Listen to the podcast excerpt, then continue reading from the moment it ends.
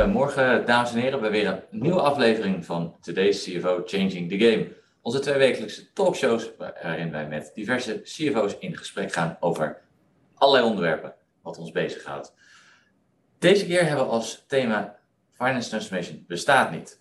Eigenlijk geïnspireerd door een column uh, die ik een paar maanden geleden heb geschreven toen ik me eens af ging vragen, uh, goh, Finance Transformation, als ik het woord transformatie opzoek, dan, heeft het, dan gaat het om een gedaantewisseling, een omvorming, uh, wat ook een begin en een eindpunt heeft. En eigenlijk praten we al 15 jaar over het thema Finance Transformation. En is het nou echt transformatie waar we de afgelopen 15 jaar mee bezig zijn, of niet? Mijn stelling was vooral op te prikkelen. En dat leek me ook een leuke, prikkelende stelling om vandaag mee in gesprek te gaan met uh, uh, mijn drietal gasten, die ik zo meteen zal gaan voorstellen. Voor de kijkers thuis, we willen ook graag dat het uh, interactief is. Dus vragen en opmerkingen die jullie hebben, stel die gerust in de chat. Dan gaan we die in het gesprek zoveel mogelijk meenemen. Voor vandaag ga ik in gesprek met niemand minder dan Ton Wallas, de CFO van Priva Holding. Bas Lutte, de CFO van Spar Holding. En Sylvester Persoon, mijn collega en uh, Continuous Improvement Expert bij Agium. Um, hier, ik heb jullie net heel kort even voorgesteld, maar misschien goed als jullie zelf ook nog iets meer vertellen over jullie, uh, uh, jullie zelf, jullie achtergrond. Ton, als ik bij jou mag beginnen. Jazeker, dankjewel Michael. Leuk om hier te zijn. ik ben Ton Wallast, inderdaad financieel directeur van Priva. Uh, dat is een, internationaal technologiebedrijf, een familiebedrijf ook. En uh, we hebben veel verstand van klimaten in uh, kassen en gebouwen. En in die omgevingen leveren we eigenlijk de computers en de digitale diensten om de optimale omgeving te creëren. Dat is dan voor plantjes en voor, voor mensen. En dat doen we dan op zo'n manier dat je energie bespaart en meer opbrengst realiseert. Dus voor mensen is dat dan dat ze een beter comfort ervaren. En voor de kassen is dat dan dat er betere of mooiere of lekkerdere tomaten uitkomen. En op die manier leveren we een bijdrage aan de energietransitie en voedselzekerheid. Dus het is ook een bedrijf met een, eh, een missie die, uh, die, heel relevant is. Dus daar heb ik het erg naar mijn zin. Technologiebedrijf, familiebedrijf met een uh, mooie missie. Top, dankjewel. Nou, dan vanuit degene die de tomaten kweekt naar degene die de, de tomaten onder andere ook verkoopt. Bas? inderdaad. Ja, ik ben Bas Luten. Uh, CFO van Spar Holding. Um, wij, um, wij managen de Spar-formule uh, franchise-formule in Nederland. Uh, doe dat sinds twee jaar en we zijn echt bezig met een transitie waaraan je aan de ene kant in de, in de markt ziet dat je traditionele food retail hebt en aan de andere kant autofoon consumptie hebt. En Spar is zeg maar de king of convenience, waarin je dus het eetmoment, het boodschappenmoment uh, op verschillende fases allemaal bij ons in winkels kan kopen. En we zijn daar echt uh, onderscheidend in de markt. We hebben 600 winkels in Nederland. Dat, dat is, dat is veel. Daarvan zitten er een aantal, ze hebben een buurtformat, een aantal hebben een city-format, een express-format. En zo proberen wij ultiem in te spelen op de behoeften die de consumerende consument heeft. En nou, dat, dat doen we met veel succes. En, uh, en, en dat is een enorme uitdaging. We proberen in die strategie echt de king of convenience te worden. En dat is een positie in de markt die, die nog niet door iemand succesvol is ingevuld. En daar zijn we hard aan het werk om dat succesvol te doen. En ja, dat is heel erg leuk, heel erg innoverend ook. En nou, we hebben net aangekondigd dat we gaan samenwerken met een aantal delivery services. Zowel op food service gebied als food retail gebied. Nou, dat geeft al aan dat we echt in de, aan de voorkant van de markt bezig zijn. Dankjewel. Gaan we straks vast ook meer over, over horen in ons gesprek. Dan als laatste Sylvester. Ja, nou ik ben Sylvester Persoon, werk voor Agium. Als business specialist op gebied van, van continu verbeteren. Dat betekent dat ik enerzijds projecten doe bij klanten waarbij ik help bij het optimaliseren van financiële processen. maar kan ook zijn begeleiden van medewerkers juist om die verbetering te realiseren. En tegelijkertijd ook in, intern bezig ben met echt de community op te zetten en uit te werken. om ja, ook andere collega's die kennis en know-how bij te brengen, zodat ook zij dat weer kunnen gebruiken in, in hun projecten. Dankjewel. Nou, dat gaat, uh, dit moet een, een, een, mooie, leuke komende 45 minuten, denk ik, gaan worden. Um, nou, misschien om gelijk met de deur in huis te vallen. Uh, ja, ik heb jullie natuurlijk beide, of alle drie gevraagd rondom uh, het thema Finance Transformation bestaat niet. Dat, dat, ik, ik denk dat dat wel gelijk even tot, tot nadenken toe zetten. Um, maar vooral interessant om even van jullie te horen. Ik kwam zelf in zo'n beetje 2005, 2006 in, in aanraking met dit thema. waar, wanneer was dat voor jullie, Bas, als ik jou mag beginnen? Wanneer kwam jij voor het eerst in aanraking met, met het thema finance transformation? Ja, ik kwam er in aanraking mee in, in 2009, 2010. Toen werkte ik bij CSM. En toen waren we bezig met, een, met de herziening van de strategie. Um, en, en, toen hebben we ook naar de finance functie gekeken, als met finance community. Hè, en om, om daar gewoon een business partnering en die meer toegevoegde waarde van finance ook echt heel duidelijk in die kolom neer te zetten. En ook te zien als een belangrijke strategische ondersteuning. Je hebt cijfers en data en analyses nodig om te zien waar je bent en, uh, en wat het betekent als je een bepaalde richting op gaat. Um, en een van de onderwerpen die we daar ook destijds en naast die invulling hebben gekeken, is van kunnen we dat nou op een andere manier organiseren? We hebben een exercitie gedaan om alle HR- en finance processen uh, te standaardiseren en in een shared service center onder te brengen. En dan uh, een greenfield of een brownfield exercitie te doen. En nou, dat is gewoon een heel, hele goede exercitie geweest om, om, om, en ervaring geweest om, om daarnaar te kijken. Heel erg inzichtelijk. Gaf ja. meer meer inzicht in en, uh, en wat ons te wachten stond. En dat was destijds ook de, in de hoedanigheid van die rol, die veranderende rol uh, van de traditionele financial naar de business partner. Dat was eigenlijk de. Exact. Ja, ja exact. Ja. En daarin zie je dat je eh, steeds meer met meer data te maken krijgt. Uh, toen ik, uh, we hadden een business warehouse opgezet, daar zat nog niet de hele wereld in. Nou, dat hebben we gedaan. Wat kun je dan met die data? hoe helpt dat bij het maken van beslissingen? Um, en dat zijn uh, thema's die we hebben opgepakt. En, uh, en ook bij het ontwikkelen hè, van de business is, uh, is dat heel erg van belang om, om daar een goede balancing power in te hebben. Dus de commerciële ideeën en realistische werkelijkheid. Ja. En, ja, dus dat een heel erg leuke exercitie. Ja. En, en Ton, wanneer was dat voor, voor jou en in welke hoedanigheid? Ik, eh, als je, of, je mag reageren op was.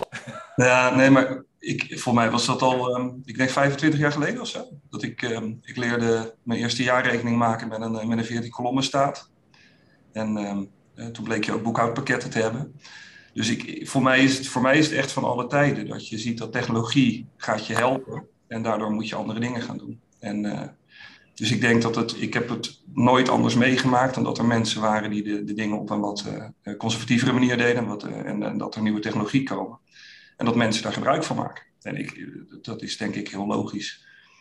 Binnen Priva, of, denk ik dat we daar de afgelopen acht jaar wel sneller stappen mee hebben gemaakt dan, dan misschien de periode ervoor. En dan merk je dat je Um, dan gaat het over het automatisch verwerken van je, van je inkoopfacturen. Dat heet dan volgens mij robotisering. Het, het, het automatiseren van consolidatieprocessen. De, de, controle van de accountant die niet meer alleen maar op proces gaat, maar die gewoon koppelt met je systemen, je bankbestanden uh, leegtrekt en dat soort dingen meer. Dus het is, um, voor mij is het eigenlijk een, um, uh, iets wat, wat, wat ik mijn hele leven al, uh, werkzame leven al heb zien gebeuren. Ja. En, en, en Sylvester, jij in jouw, jouw carrière, wanneer kwam je er voor het eerst mee in aanraking? dat is een goede vraag. Ja, ik denk, kijk, met procesverbetering denk ik ook echt al wel. Uh, nou ja, ik ben ergens twintig uh, jaar geleden ongeveer begonnen in de detachering. En uh, ja, ja, vanaf dat moment ben ik wel echt wel bezig met processen en het verbeteren ervan. ik denk wel dat je als je kijkt naar eh, finance en transformatie, ja, we komen vast nu op het woord transformatie vandaag.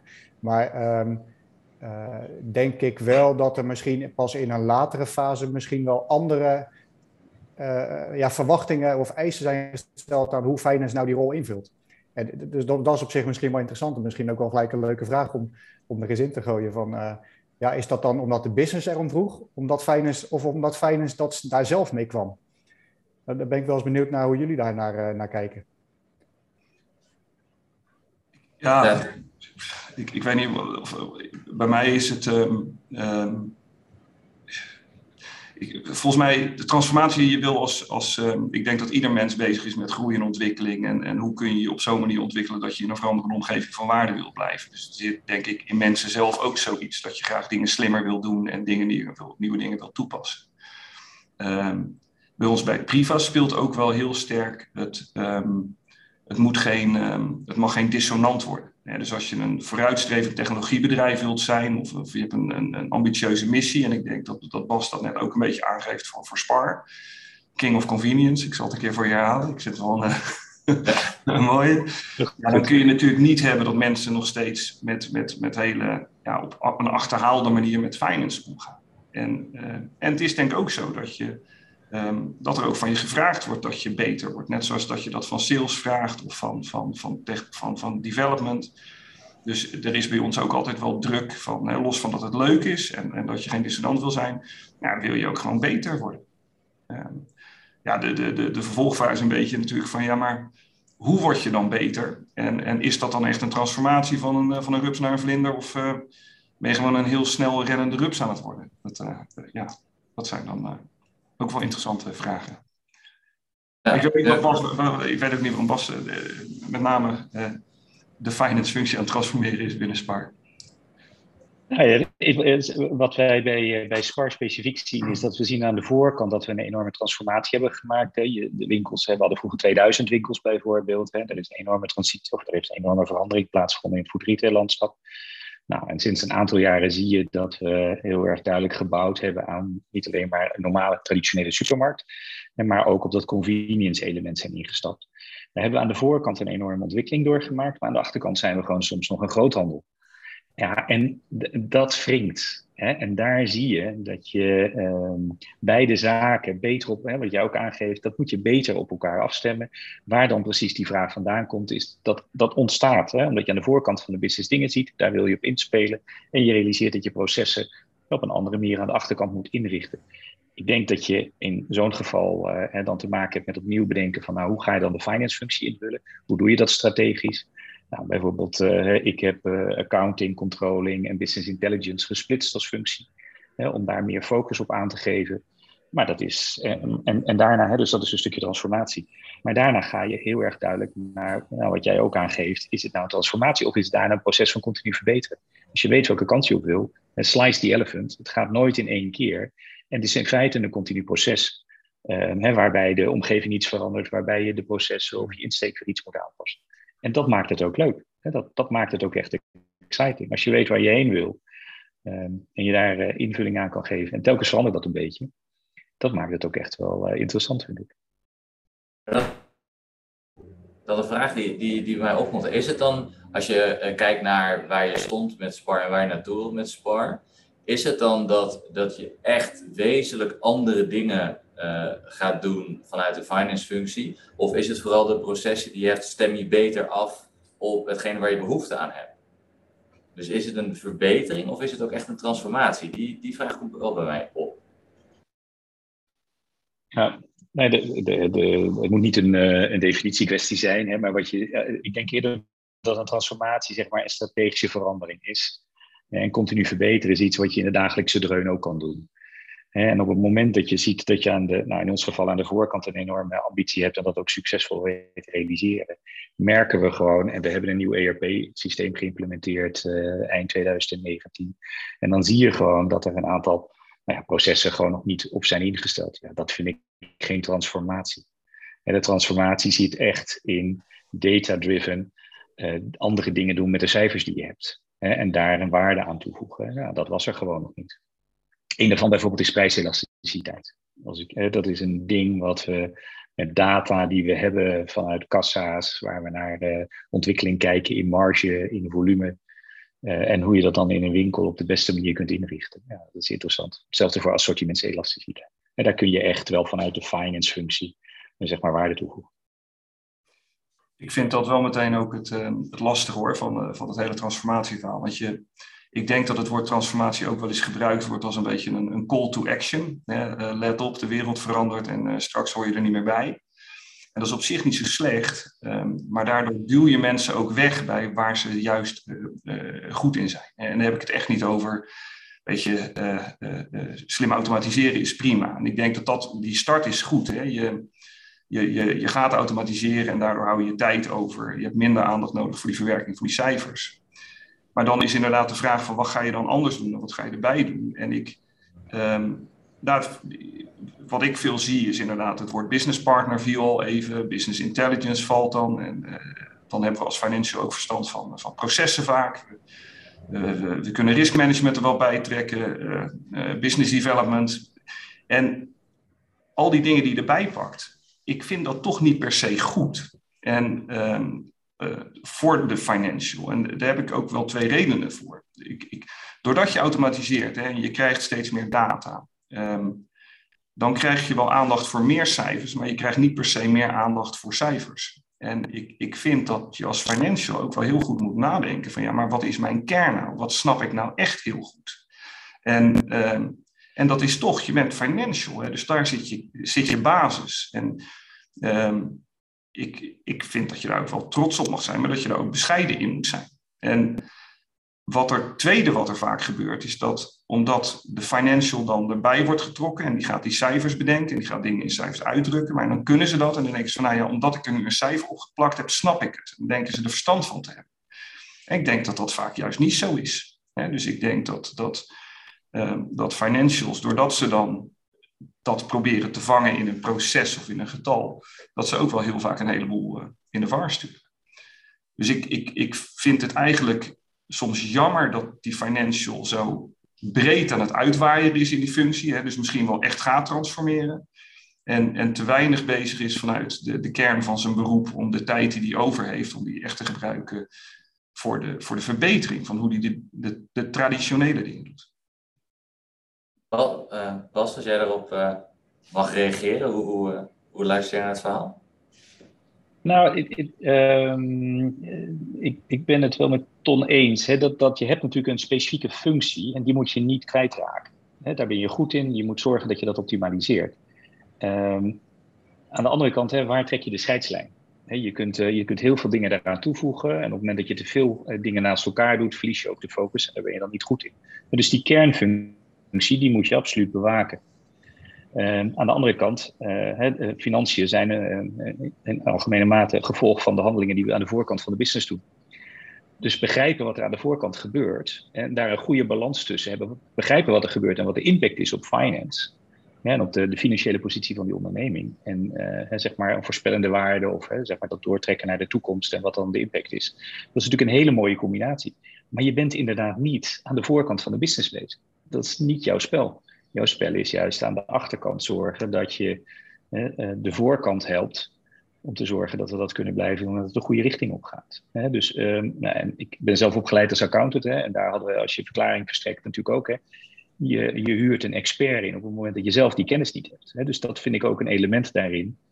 Daar, daar past inderdaad gewoon een, een, een realistische bescheidenheid in.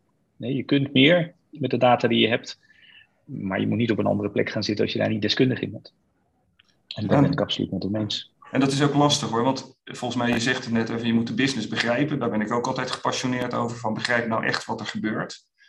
Uh, en, en daarmee kun je collega's helpen om te begrijpen wat er moet gebeuren. Maar dat is wat anders dan financieel sturen. En ik, ik denk dat het daar vaak, vaak misloopt. Dat, dat mensen dan, uh, nou ja, ze hebben een paar cijfers opgeplakt of ze hebben een dashboard wat elke, elke maand wordt uitgedraaid. En dan gaan we met z'n allen naar dat verschil zitten kijken. Terwijl dat was het gevolg. Hè? En dan, ga je, dan heb je best veel impact, vind ik altijd, op een organisatie. Dan gaan mensen daar druk mee zijn. Terwijl, ja, nogmaals, het is de vraag of dat dan echt hetgene is waar je, waar je naar moet kijken. En uh, het is denk ik ook niet een doel om alles in zo'n uh, in zo'n getal te, te vangen.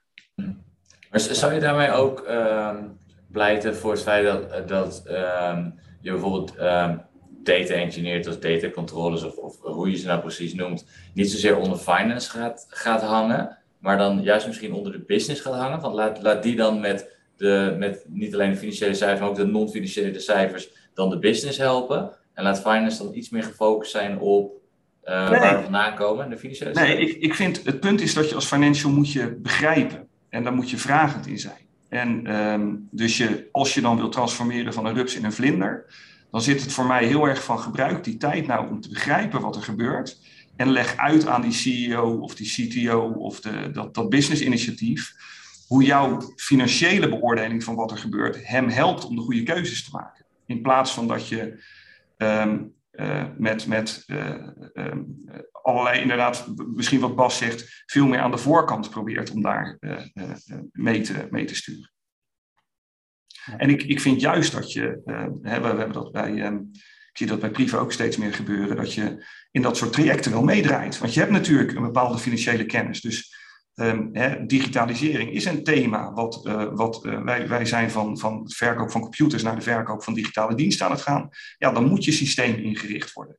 En dan, dan moet je daarover meedenken. Maar dat betekent niet dat, je, dat jij bepaalt hoe de automated marketing gebeurt. En dat je dat, je dat moet, uh, ook moet beetpakken. Je probeert vanuit die expertise te blijven. En dan sta je volgens mij als financial heel erg sterk.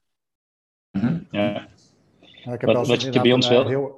Oh. oh, sorry. Nou, ik, ik heb ook inderdaad wel eens een heel interessant filmpje gekeken. Hè, want over dat de wereld zo verandert en het moet allemaal anders. En, uh, uh, maar de kern daar, die daarin naar voren kwam, dat finance, weet je, finance is altijd wel het financiële geweten van de organisatie. En dan weet je, dat, dat, dat verandert volgens mij niet. Hè? Want er is een functie die dat moet doen. Ja, en daar is finance nou net volgens mij heel goed in. En volgens mij is precies wel de kern wat jullie zegt. Hè? De, omdat er wel dingen veranderen, wordt die behoefte vanuit de, ja, vanuit de businesskant misschien wel anders. En volgens mij is het best wel zaken als, als finance om die heel goed te snappen, um, om, om daar ook een goede invulling aan te geven. Ja, vanuit, vanuit je finance achtergrond. En, en dan helpt het als je hè, die, die, die finance kennis hebt en, en heel goed begrijpt wat de behoefte is van, van, van die business. Zo, zo zie ik hem over het algemeen. Ja. Nou, Bas, jij wilde net ook reageren? Nee, ik, ik wilde zeggen dat aanhakend op het voorbeeld wat jij gaf, is dat ik merkte dat uh, de controllers bij mij in de organisatie, uh, zeg maar bij de financiële administratie zaten. En, uh, en die zelf ook de behoefte hadden om weer dichter bij de business betrokken te zijn. Dus die heb ik zeg maar onderdeel laten worden van, de, van de managementteams, maar wel specifiek op het gebied van finance. En dan probeer je dat te combineren. Ehm, en, daarin zie je dat dat, dat helpt gewoon in het beter begrijpen van de business, betrokken zijn, weten wat er gebeurt, maar dan wel die financiële rollen invullen. En, en dat zie je, dat is heel erg leuk. Nou, um, uh, business intelligence zat bijvoorbeeld uh, bij IT. Die, daar kun je ook, hè, dat is ook zo'n rol waarbij je kan zeggen van nou, waar zit dat nou precies? En daarvoor hebben we gezegd van nee, we willen echt uh, daar nu focus op hebben. En dat zowel de techniek als een stukje inhoud en, en hele specifieke technische kennis en de business bij elkaar komt. En hebben we dat ook separaat gezet. Dat hoeft helemaal niet altijd zo te zijn. Het moet vooral een doel dienen. En dat doel is op dit moment om het te versnellen. En op een gegeven moment kan die functie gewoon in de business zitten, waarbij de techniek weer bij IT zit. dus ik, ik, ik, pleit er ook met name voor om telkens goed te blijven nadenken. En, en dat heeft misschien wel meer met continuous improvement te maken dan met transformatie. dus om, om, om ervoor te zorgen dat je de juiste uh, zeg maar inrichting een setup hanteert voor de fase waarin je bent. En dat je dat ook weer kan veranderen. Dus dat je niet vastzit in een, in een, in een fixed idee. Maar wat je ook zegt is dat je ziet dat je bepaalde expertises op uh, bepaalde plekken legt, zoals bij IT en, en bij de business. En dat moet dan samenkomen in, noem het een, een team wat dan samenwerkt. Waarbij de ene verstand heeft van de ene, de ander van de ander. Nou, dat maakt het in ieder geval hè, dat je heel snel kunt schakelen en dat je begrijpt aan de voorkant wat er gebeurt en hoe je dat dan terug kan vertalen in of uh, zeg maar data-analyse of een financiële analyse. En dat maakt het heel erg efficiënt. Maar waar dus iedereen in die indicator werkt in feite, heeft daarin zijn rol. Uh, en kan, uh, doordat hij begrijpt wat de ander aan het doen is, daar vanuit zijn expertise weer waarde aan toe. Mm -hmm. En hoe brug je dan, hoe bouw je dan de brug tussen degene die ehm, technisch ergens verstand van hebben en degene die business-wise ergens. Want daar zit vaak een disconnect tussen. Die snappen ook. Vanuit de techniek is het nee, heel anders ja, praten dan vanuit de business. Ja, dat, dat is echt zo'n. Dan zit je op zo'n kruispunt. Uh, waar, en daar heb je uh, specifieke mensen nodig die begrijpen aan de ene kant hoe de techniek werkt en aan de andere kant hoe de business werkt.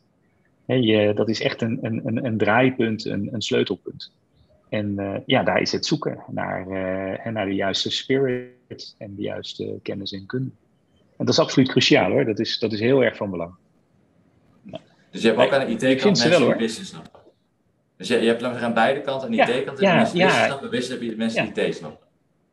Ja, als je, hè, als je, als je absoluut. Hè, dus, dus dat, en dat heb je ook nodig, want anders kun je niet vertalen hè, wat, je vanuit de, hè, wat de requirements zijn vanuit de business en hoe je dat dan gaat invullen vanuit de techniek. En als je dat seamless hè, dat bij elkaar kan brengen en je dat kan vertalen, dat is echt een hele cruciale functie. Ook om die nou ja, transitie, transformatie of die verandering uh, zeg maar, uh, te laten slaan.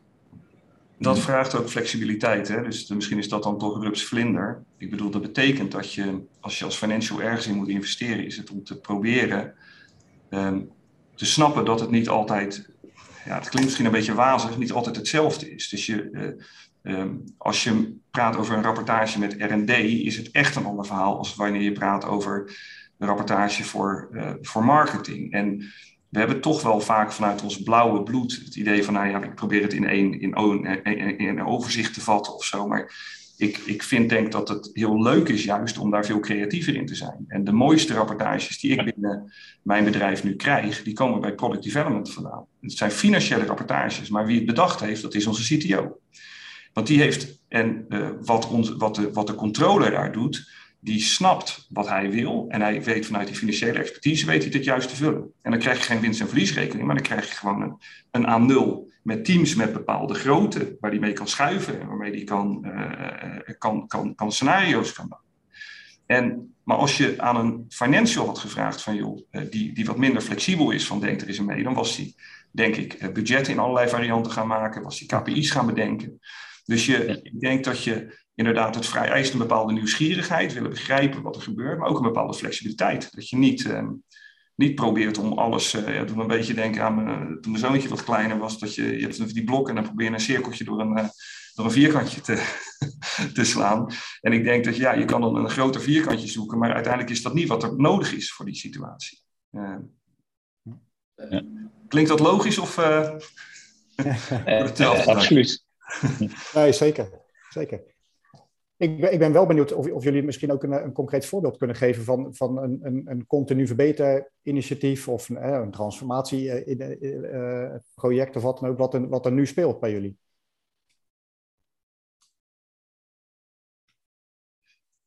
Uh, bijvoorbeeld, um, um, uh, wat, we, wat we merkten is dat alle rapportages bij ons waren nog gebaseerd op Excel. Dus ja, weet je, dat maakt de analyse uh, gewoon echt heel erg lastig. En toen hebben we een aantal dashboards gebouwd. Maar het bouwen van die dashboards is inderdaad, zoals wat Tom ook al beschreef, is dat doe je met de business. Dus uh, bijvoorbeeld voor de winkeloperatie hebben we een dashboard gebouwd. Waarin je heel erg vanuit die, die visie van nou, hoe beheers je nou die winkel, hoe zorg je nou dat dat, wat zijn nou de belangrijke indicatoren daar, Ehm, en daar is dus een totaal andere uh, rapportageset en analyseset uitgekomen dan voor bijvoorbeeld commercie of wat we voor finance gebruiken. En, uh, en, en, dat is in het eerste jaar gewoon gerealiseerd dat ik binnen was. En dat was hartstikke goed, weet je wel. Dat is snel gegaan. Daar heeft een uh, nou, manager operations gezeten. Daar hebben verschillende mensen bij gezeten. En die hebben dat gewoon vrij snel met elkaar kunnen maken. Dus dat is, dat is heel erg leuk om te zien.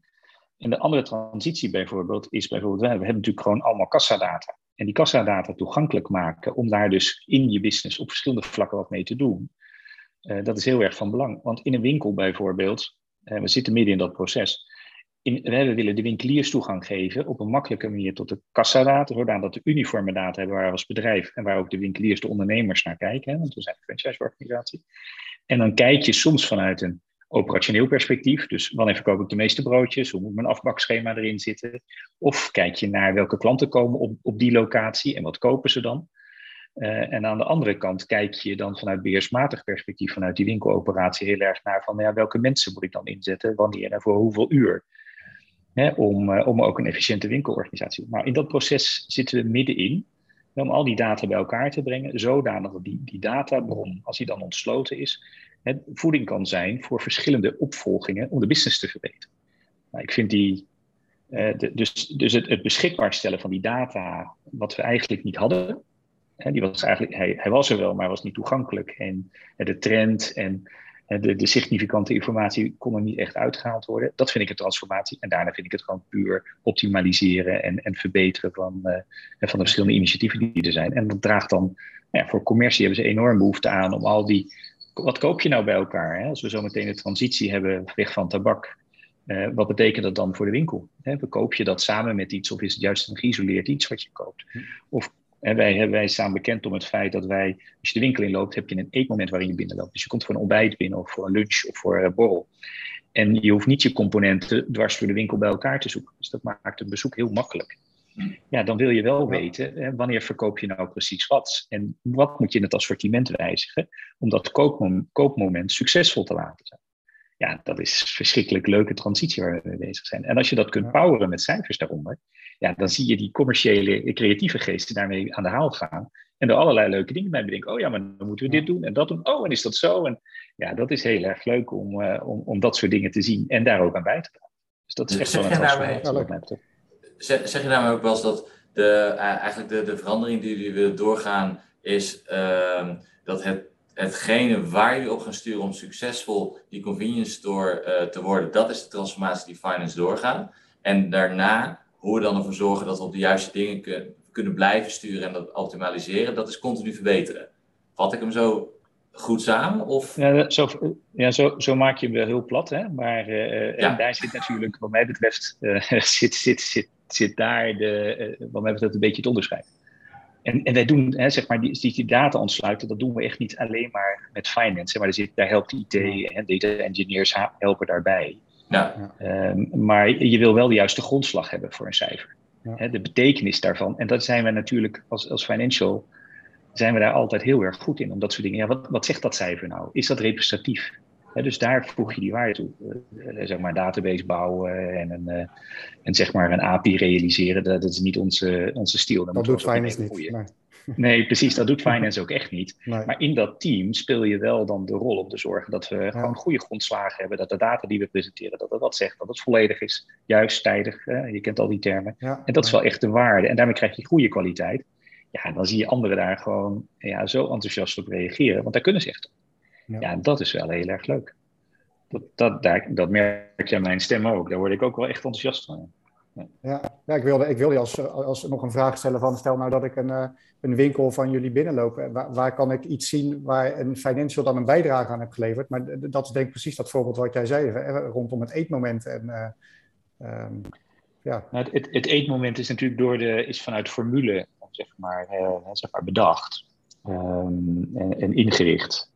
Um, maar ja, dat wil je succesvoller maken. Hè? Daar heb je echt data voor nodig. Van wat werkt dan? Wat ja. werkt dan niet? Ja, en dat is, hè, weet je, dat is de waarde die we eraan kunnen toevoegen. En wat ze er dan mee doen, dat, dan, dan, moeten zij weer daarmee aan de slag. En dan zien we wel weer wat het effect daarvan is. En, dat optimaliseren, hè, prijselasticiteit, assortimentselasticiteit. Dat zijn allemaal wat dat betreft hele leuke dingen om daaraan bij te dragen. Ja. Heb, heb, jij ook zo'n mooie, zo kun jij ook zo'n voorbeeld noemen, Tom? Zo nou dat ik een ja. kas inloop en ik... Uh, ik, misschien niet die kas, maar ik zat een beetje na te denken over jouw vragen. We hebben best wel veel van dat soort initiatieven doorlopen, maar een van de waar ik wel trots op ben en waar ik denk dat het ook een, een goed beeld geeft van uh, hoe wij naar die transformatie dan kijken van de finance professional dat is hoe we forecasting zijn gaan doen. Het is natuurlijk steeds makkelijker geworden om nieuwe forecasts uit te draaien, um, om, om dat te koppelen met, met marktinschattingen, uh, met uh, uh, Power BI-analyses. Dus we hebben binnen Priva het, het traditionele budgetproces losgelaten. En we, we, hebben ook het scenario-proces losgelaten. Want we hebben gezegd, het heeft geen zin om over om na te denken wat je zou doen op een moment dat iets anders is, als je op dat moment nog niet weet hoe het anders is. Dus, maar we kunnen binnen zo'n snelle tijd kun je een nieuwe forecast maken. En dan kun je samen met de business naar naar kijken. Dat je, dat je dus op een andere manier bent gaan budgetteren. Dus we, uh, niet, meer, niet meer jaarlijks, niet meer kwartaallijks. Gewoon op het moment dat er veranderingen zijn, dan uh, buiten voelt in de markt. Of uh, nou ja, recent hebben we natuurlijk hebben veel last van de componentencrisis. Um, uh, dat vraagt gewoon uh, aanpassing van allerlei prioriteiten. Dan ga je als financial dus vanuit je stiel, je, je, die betrouwbaarheid van die data, maar ook het vooruit kunnen kijken, pas je je plannen aan en help je de business om daarop aan te passen. En ehm, ja, dat, dat is een. En je hebt er af van alles voor nodig. Hè. Je hebt er Power BI voor nodig. Je hebt er, weet ik veel, allerlei tools voor nodig. Maar dan is het wat je uiteindelijk doet, is nog steeds hetzelfde. Namelijk uh, kijken hoe het financieel uitwerkt en kijken wat dat voor de toekomst zou kunnen betekenen. Ja, ja is eigenlijk, en als, als we nu naar de. Oh, sorry. Uh, nee, ik zei eigenlijk organiseer je gewoon intern ook je, je mensen wat anders. Uh, dus je zet de mensen wat dichter bij elkaar. Precies wat jij ook al zei, Bas. Hè? De verschillende disciplines veel meer bij elkaar zetten. Ja, omdat je, omdat je meer kan. Je toolset is gewoon ja. sterker geworden. En dat is ontzettend gaaf. Dat is natuurlijk echt, ja. echt wel leuk. Ja. En als, als we dan naar, naar de toekomst gaan kijken, want je had het net ook over de, over de toekomsten, is um, um, waar willen jullie dan met die financiële functie in de komende jaren ook heen? Uh, de komende, dan zeg vijf jaar, waar zijn over, het is ver weg. Uh, het is tegenwoordig natuurlijk moeilijk om te zeggen waar we vijf jaar staan. Maar waar zou die over vijf jaar willen, willen staan met, met die functie? Mijn, mijn droom is dat uh, uiteindelijk de financials bij ons, hè, we zijn een andere organisatie dan, uh, dan BAS, maar dat de financials bij ons zo dicht bij de uh, business zitten, en dan heb ik het over niet over op elke plek, hè, maar de, de belangrijkste segmenten aan de top daar, dat ze heel goed begrijpen um, wat daar gebeurt en in interactie met de verantwoordelijke van dat segment tot een model komen. En, en, en dat is niet een standaard financieel model, maar het is een model van hoe vangen we nou wat er buiten gebeurt. En uh, dat we het zo automatiseren dat je daarop dan makkelijk je forecasting kan doen, je beoordelingen kan doen, je, je, je doorkoppeling naar, naar activiteiten van, uh, van business units. En ik geloof daarin dus juist niet in een, um, in een soort van, weet ik veel, balance scorecard-achtige benadering of zo, maar juist de, de diversiteit in de verschillende uh, plekken omarmen.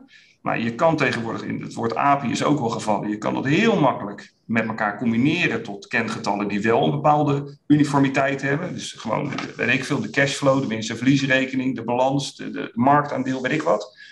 En dan consolideer je dat en dan kun je zo je bedrijf sturen. Redelijk decentraal, uh, maar wel goed in controle. Maar dan vraag je dus dat die financial in het segment zit, bij de business zit en eigenlijk als een soort van uh, rechterhand van de, van de businessleiders daar functioneert. En uh, uiteindelijk is dat wat ik als CFO natuurlijk met, met de CEO doe. En ik denk dat dat voor Bas niet anders zal zijn. Ik, maar heb je dan, om, om, om daar een vervolgvraag op te stellen, ehm, heb je dan nog, laten we zeggen, handjes nodig om bepaalde financiële processen aan de achterkant nog goed te doen? Of is dat bij allemaal weggeautomatiseerd?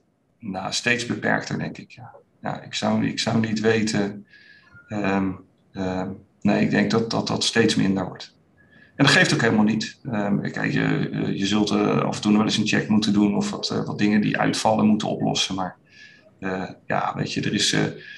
Wij zeggen altijd van um, als het niet te maken heeft met empathie of, of, passie of creativiteit, laat het dan maar aan een computer over. Hm. Maar, dus, ik denk dat dat voor veel van dat soort processen dat je niet een empathische factuurinboeker nodig hebt. Hè? Nee, wat, wat, wat, is daarvoor nodig om, daar, om die stap te kunnen maken?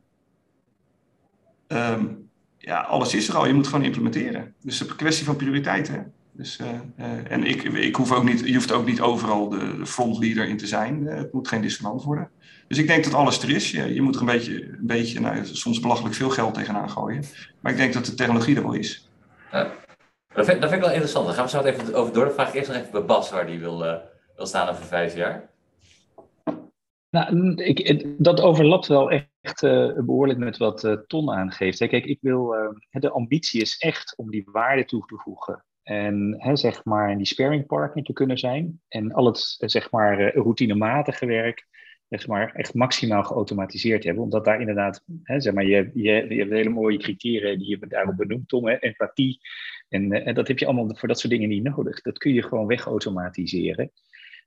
daarbij voeg je wel een skillset toe uh, bij een financial, is dat hij goed moet kunnen omgaan met heel veel data.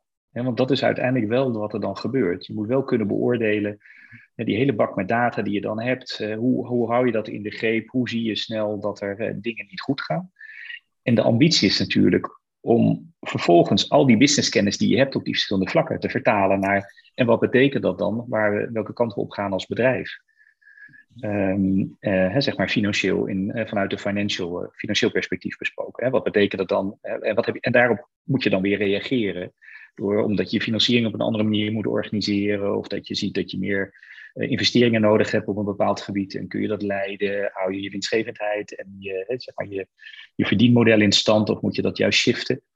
Um, dus dat vraagt ook wel wat andere karakteristieken. Dus ik denk dat de traditionele boekhouderfunctie mijn ambitie zou zijn om dat zoveel mogelijk te, te, te automatiseren en, en, zeg maar daar alleen maar waar je nou, een, een, een, ehm, een waarde toevoegt, hè, waar, je, waar mensen het onderscheid maakt, ja, dat, dat is cruciaal.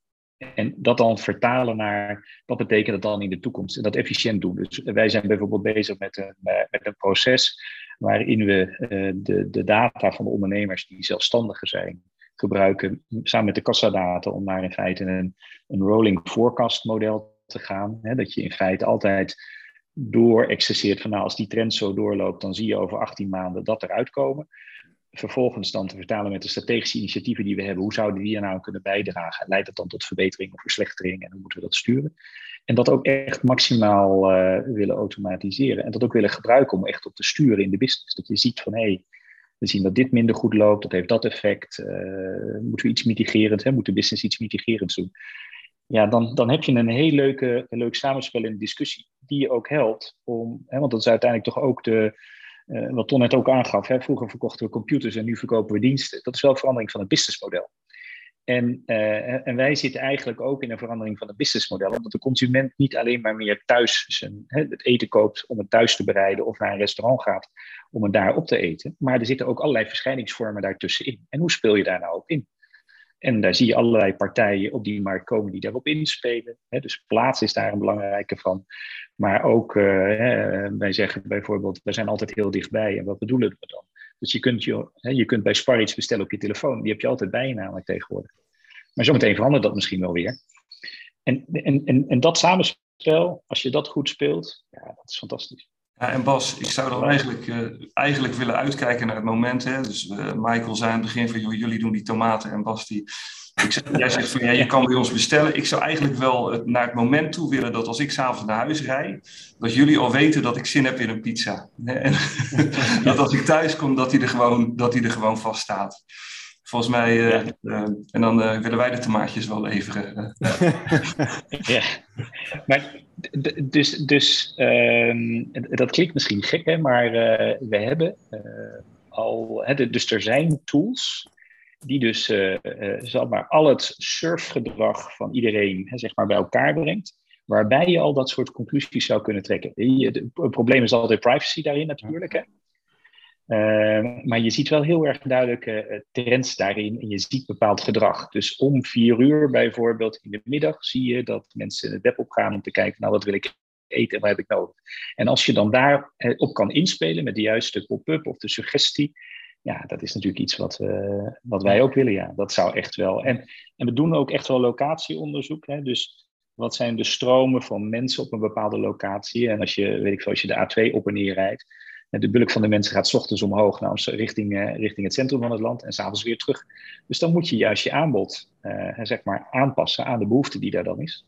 Dus dat, dat is absoluut de ambitie. Maar, en, en, en, en het leuke daarvan is, is, hoe kun je daar nou inderdaad invulling aan geven? En die stappen zijn we absoluut aan het zetten, ja. Maar er zijn andere partijen, die zijn natuurlijk echt beren goed in het analyseren van die data. En dat is wel iets wat we ons ook gerealiseerd hebben. Ik, wij hoeven niet het wiel uit te vinden ik wil juist graag gebruik maken uh, van wat anderen al aan kennis hebben op dat gebied en daarop aanhaken. Ik wil, ik wil echt, wij willen echt wel. Uh, in die, in, die, in die frontrunner van die technologie is heel erg interessant.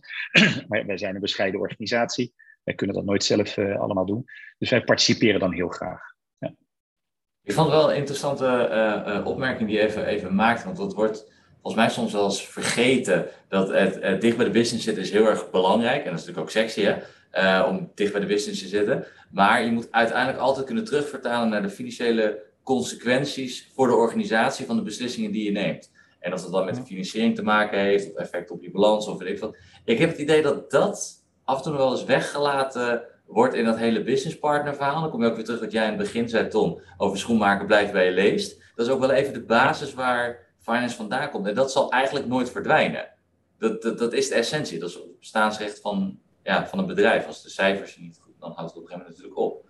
Dus ik vond het wel, eh, je maakt het eigenlijk een beetje soort van in de site, maar ik vind dat wel een hele belangrijke om niet te vergeten. Ik weet niet of mensen daar eens zijn of niet, maar uh, ik zag het al ja knikken, dus ik hoop het. Vo volledig eens, volledig eens. En daar zit ook wel een beetje die kanarie-functie van de financial. Uh, dat je op tijd aangeeft van, joh, hier lopen we tegen grenzen aan. Um, dus ik ben dat, uh, ben dat helemaal met je eens. Ja. Die, die en dan ook heel erg te denken nou, ik zit ook heel erg te denken aan de manier hoe, hoe je als organisatie georganiseerd bent. Hè? Als een soort matrixstructuur, hè? waarbij je eerst eigenlijk silo's had, waarbij finance echt finance was. En nu wat veel meer horizontaal, hè? dat we eigenlijk veel de, de, keten proberen te begrijpen. Maar je nog wel dus eigenlijk binnen finance wel nog, eigenlijk precies wat jij zegt Michael, die, ja, die, die verantwoording hebt. Hè? Van oké, hoe, hoe zit het financieel gezien? Maar ook wel interessant wat jij zegt Bas, dat je eigenlijk nu zelfs die keten breder wilt trekken naar niet alleen eigen organisatie, maar zelfs naar je, ja, je leveranciers of je uiteindelijk je eindklanten daarbij wil gaan veel meer wil betrekken. En, en dat is misschien ja. dat is echt wel een hele volgende stap eigenlijk weer. Ja. Ja, en, en Sorry Bas? Je, je, moet het, je, je, moet het niet te groot maken. Hè? Je, het, zeg maar, hè? Dus, dus, ik vind het altijd wel een mooi adagium is uh, slice the elephant. Hè? Je moet stapje voor stapje dat soort dingen realiseren. Hè? Dus die droom is heel groot. Hè? Dus ik, uh, we werken nu allemaal, uh, ook dankzij de lockdown, veel in de cloud en met Teams en Zooms en zo. Nou, Bill Gates heeft dat misschien al twintig jaar geleden gezegd. dus als je te veel voor de muziek uitloopt, weet je wel, voordat je het dan realiseren, dat is ook te ver weg. Maar het, het, geeft wel aan dat we hele snelle ontwikkeling op dat gebied hebben. En als je het aan elkaar kan knopen, is echt fantastisch. Dan, dan, dan, dan, hè, dan uh, dat zou echt fantastisch zijn. Ja. En als je dat door je hele supply chain heen kan doen, ja, want dat is dan uiteindelijk hè, dus vanuit, vanuit de demand van de consument vertalen naar wat je aanbiedt en ook zorgen dat je dat dan ook hebt.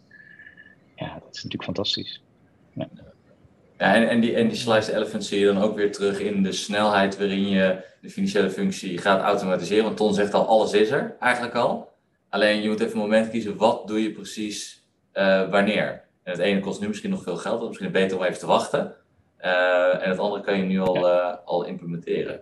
Ik heb nog weinig mensen horen zeggen dat alles er al is. Dus ik ben echt de eerste die dat zegt. Alles is er al om het automatiseren. Ja, maar in zijn algemeenheid is het echt gênant hoe weinig we doen met wat er kan. En ik, ik denk dat, um, dat de COVID-periode dat ook heeft laten zien. Dat je, uh, nou, opeens kan ik een uh, akte passeren bij een uh, notaris zonder dat ik er geweest ben. En, nou, dat, het, het, ja, we zijn heel slecht in, in dingen toepassen. Ik weet niet waarom dat, dat is. Um, maar ik denk dat als je echt wil, is alles er. Maar ik ben ook met Bas eens, je moet ook niet alles zelf tegelijk doen. Er is ook een absorptievermogen van zelfs financials, hè, die dan alles er maar bij pakken. Zeker. Dus, uh, ja. ja, het is helemaal niet erg om daar wat tijd voor te nemen. Maar het is vooral leuk, uh, Michael. Het is een leuke tijd, man. Leuke, leuke technologieën. Uh, ja, ik heb ook niet gezegd dat zij was. nee, ik zag trouwens nog een reactie, Michael. Heb jij die ook gezien? Op? Via de Q&A. Reactie op Tom. Als Finance zich vooral moet focussen om de financiële basis continu te verbeteren. Hoe, hoe, past data science daar dan in? Hij is al wel even van een tijdje terug al, dus misschien haakt hij in op een iets eerder in het gesprek. En welke nou, rol heeft finance daar dan in? Dat is goed dat jij hem hebt, want bij mij zit hij niet tussen. oh, oké. Okay. Nou, pik ik hem eventjes op. Heb je hem uh, helemaal meegekregen, Tom? En kun je daar... Ja, nee, ik, ik, ik heb er nu ook op geklikt. Nee, maar ik denk oh. dat voor mij is data science een, um, een um, hoe zeg je dat? Ook weer een, een, een bol waarmee je als finance moet koppelen. En, eh, en, het, en, en ook daar moet je eh, vanuit je skillset, en dat is wat Bas ook zei over betrouwbaarheid en, en het checken van dat soort dingen, dat, eh, heb je daar wel een rol te vervullen. Um, maar natuurlijk is data science relevant en, en kun je dat gebruiken om analyses te doen over hoe je markt zich ontwikkelt, over hoe klanten zich ontwikkelen, dat soort dingen meer. Um, en dat, dat, dat, dat, dat doen wij ook. Um, maar het is de vraag of je dat dan allemaal naar finance moet trekken. Of dat je moet zeggen van nee, ik heb een bepaald probleem wat ik met data science wil oplossen. En dat heeft financiële impact. Um, denk wel dat het heel handig is als financials iets van, hè, dus in het algemeen merk je dat dat financials van meer dingen iets moeten snappen. Hè, dus dat het handig is als je snapt wat de beperkingen van data science zijn en, en wat je er wel of niet mee kan.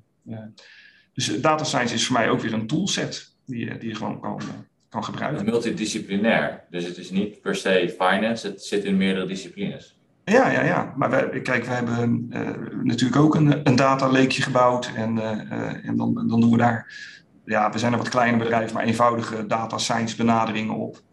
Um, en dat, dat kan heel handig zijn, maar het is ook hier weer niet een, niet een doel op zich. Hè. Je, hebt, uh, je, je, je, kijkt wat die toolset jou kan bieden om, om financieel goed mee te kunnen blijven sturen met de business. Ja. Bas, hoe, ja. Kijk jij naar de vraag? Nou ja, wat ik, wat ik net al zei, is ik heb het BI-team weggehaald bij IT. en dat hadden we ook uh, in, in de business kunnen zetten, maar daar, daar zijn we nog niet. Hè, maar het is, het is dus het, het is een andere uh, expertise dan een financial heeft. er is een link absoluut met het feit dat het invloed heeft op de financials, dat je er trends en analyses op kan doen. Maar het is juist heel erg ondersteunend aan wat je aan de voorkant wil, wil doen daar, daar, en daar zitten ook niet financiële, er zit heel veel niet-financiële data in. En, uh, en, en daar moet je focus op hebben. Dus ja, bij ons was dan de discussie. En uh, een van onze adviseurs, die heeft ook bij Albert Heijn bijvoorbeeld gewerkt in zo'n in zo'n in zo'n functie. Dan was natuurlijk even van waar beleggen we nou specifiek die functie? En dan zie je, en, en, en uiteindelijk is het dan in de CFO-portefeuille terechtgekomen. Maar mij maakt het eigenlijk niet uit of het had ook bij de Chief Commercial Officer of de Chief Operations Officer kunnen zitten. Het gaat er meer om dat het is een functie die helpt om de business te versnellen en we moeten er focus op hebben. Um, hè, en en, en uh, de plek in de organisatie uh, is afhankelijk van waar we zijn qua ontwikkeling. En, uh, en, op het moment dat het een volwassen functie is, dan wil ik hem liefst ook net als een, een, een, een controller naast de business zetten. Omdat dat een skillset is die anders is dan wat je als financial doet. Het helpt je interpreteren, het helpt je modelleren, je data analyseren.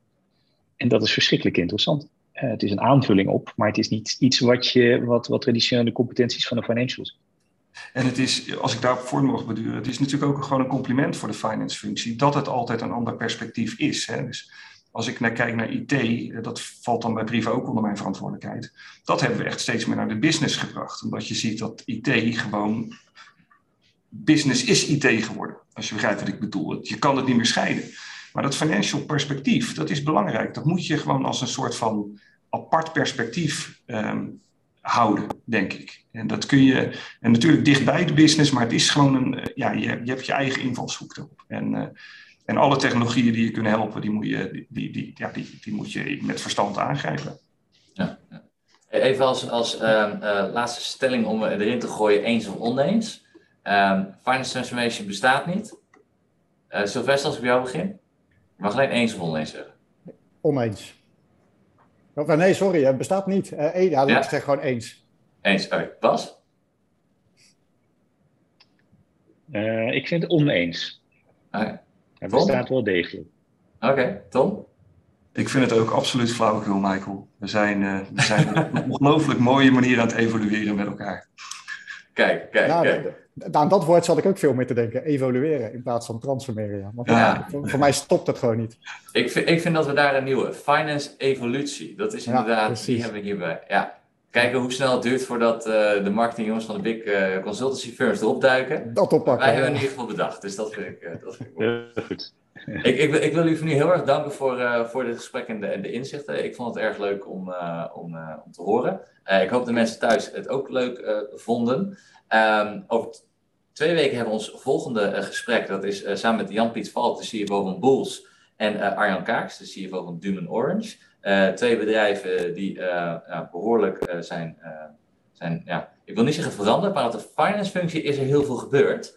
Uh, dus interessante inzicht hoe zij uh, daarmee bezig uh, zijn geweest. en ook twee ja, mooie Nederlandse bedrijven wat dat betreft. Dus ik hoop jullie dan weer te kunnen, ja, te kunnen, niet te kunnen zien, maar in ieder geval dat jullie weer bij zijn. en ik wens jullie een hele fijne dag verder. En nogmaals onze panelleden hartelijk dank en tot de volgende keer. Vond je dit nou een leuk gesprek en wil je meer verhalen horen van CFO's? Volg ons dan op ons Agium kanaal.